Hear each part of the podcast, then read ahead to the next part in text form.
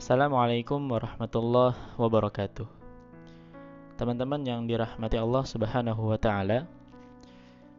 Dalam kehidupan ini manusia tentunya punya angan-angan, punya harapan dan punya suatu hal yang dicita-citakan.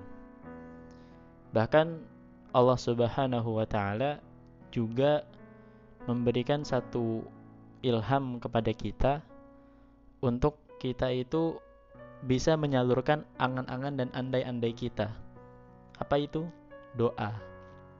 Bahkan Allah sendiri yang perintahkan uda'uni dan Allah jamin sendiri astajib lakum. Berdoalah kepadaku, aku akan mengabulkannya. Nah, teman-teman semuanya, bicara tentang doa atau mungkin lebih luas lagi ada angan-angan, ada andai-andai, ada cita-cita dan seterusnya. Intinya kita membayangkan sesuatu yang mungkin belum ada di hadapan kita atau belum kita miliki. Manusia itu terbagi empat golongan. Nah nanti kita akan bahas gimana akhirnya andai-andai ini bisa menjadi satu hal yang baik bagai emas yang kalau kita arahkan kepada hal yang baik juga.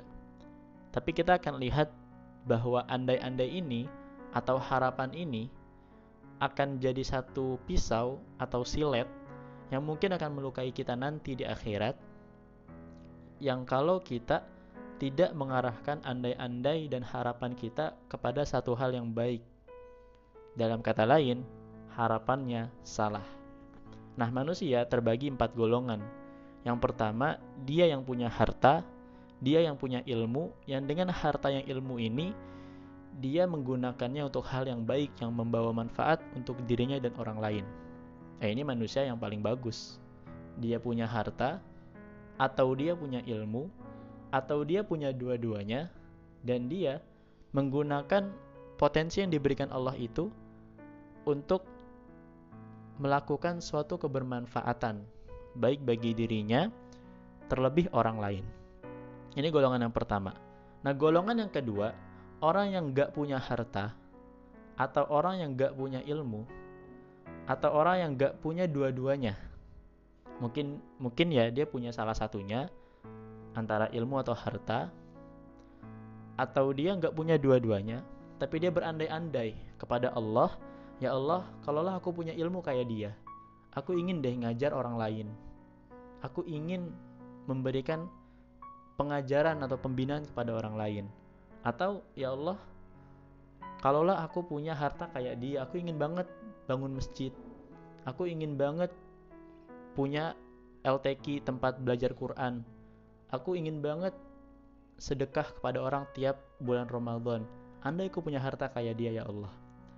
Nah, dengan andai-andai ini dia mencoba untuk berusaha agar bisa berbuat baik sebagaimana saudaranya yang Allah berikan kelebihan harta dan ilmu. Meskipun dalam tanda kutip, Allah gak memberikan kepada dia ilmu dan harta. Tapi dengan melihat saudaranya itu, dia kayak berasa iri gitu. Ya Allah, kalau aku kayak dia, aku ingin beramal kayak dia. Tapi kan aku gak punya, ya Allah ini amalku sekedar sini saja. Nah, teman-teman semuanya, orang-orang yang berandai-andai seperti ini, meski Allah gak bikin dia sama hartanya kayak saudaranya, atau Allah nggak berikan ilmu yang sebanyak saudaranya, tapi dia ingin untuk akhirnya menyamai saudaranya, Allah hitung pahala mereka sama. Contoh misalkan saudaranya itu berinfak 2 juta. Nah dia mampunya cuma 20 ribu, tapi dia berandai-andai, ya Allah, kalaulah aku punya harta kayak dia, aku ingin banget infaknya sebanyak dia. Pahala yang 20 ribu itu setara dengan yang 2 juta yang diinfakkan saudaranya yang saudaranya itu punya harta lebih yang mungkin Allah nggak kasih ke orang ini. Subhanallah. Ini kalau andai-andai kita arahkan tempat ke tempat yang baik. Nah, ada jenis ketiga. Orang yang dia punya harta atau punya ilmu atau punya keduanya tapi dilakukan untuk maksiat kepada Allah. Nah, ini buruk Nah, jenis yang keempat ini yang bahaya. Orang-orang yang gak punya harta atau gak punya ilmu atau nggak punya dua-duanya tapi ia berandai-andai ya ya Allah bila mana aku punya harta kayak dia aku ingin main-main kayak dia. Ingin pesta-pesta kayak dia. Dia berandai-andai kepada Tuhannya kalau punya ilmu atau punya harta dia ingin foya-foya. Ingin maksiat. Nah ini lucu gitu kebalikan orang yang berandai yang pertama dia mengandai-andaikan satu hal untuk akhirnya dijadikan sebuah ibadah Nah, tipe yang keempat ini bahaya banget. Dia udah nggak punya harta, udah gak punya ilmu, tapi dia berandai-andai kalau punya harta, kalau punya ilmu, ingin maksiat. Kan kacau gitu. Nah, ini adalah jenis yang bahaya banget.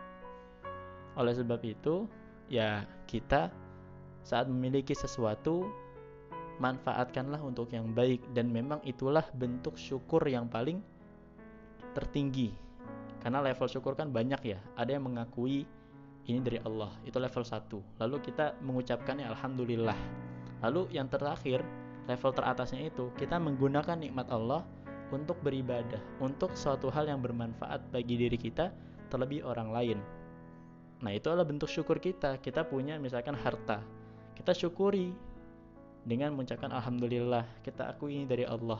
Lalu sebisa mungkin kita sisihkan untuk kita infakkan ke orang lain yang lebih membutuhkan. Karena pada hakikatnya di dalam harta kita ada hak orang-orang lain yang juga sama-sama punya hak hidup seperti kita. Nah, jangan sampai kita punya harta, kita punya ilmu digunakan untuk satu hal yang tidak baik. Dan lebih bobroknya lagi, jangan sampai udah nggak punya harta, udah nggak punya ilmu, kita malah berandai-andai mau maksiat. Nah ini parah banget. Kayak teman-teman semuanya, demikian yang bisa aku bahas pada kali ini dan semoga bisa membawa manfaat. Barakallahu fikum. Assalamualaikum warahmatullahi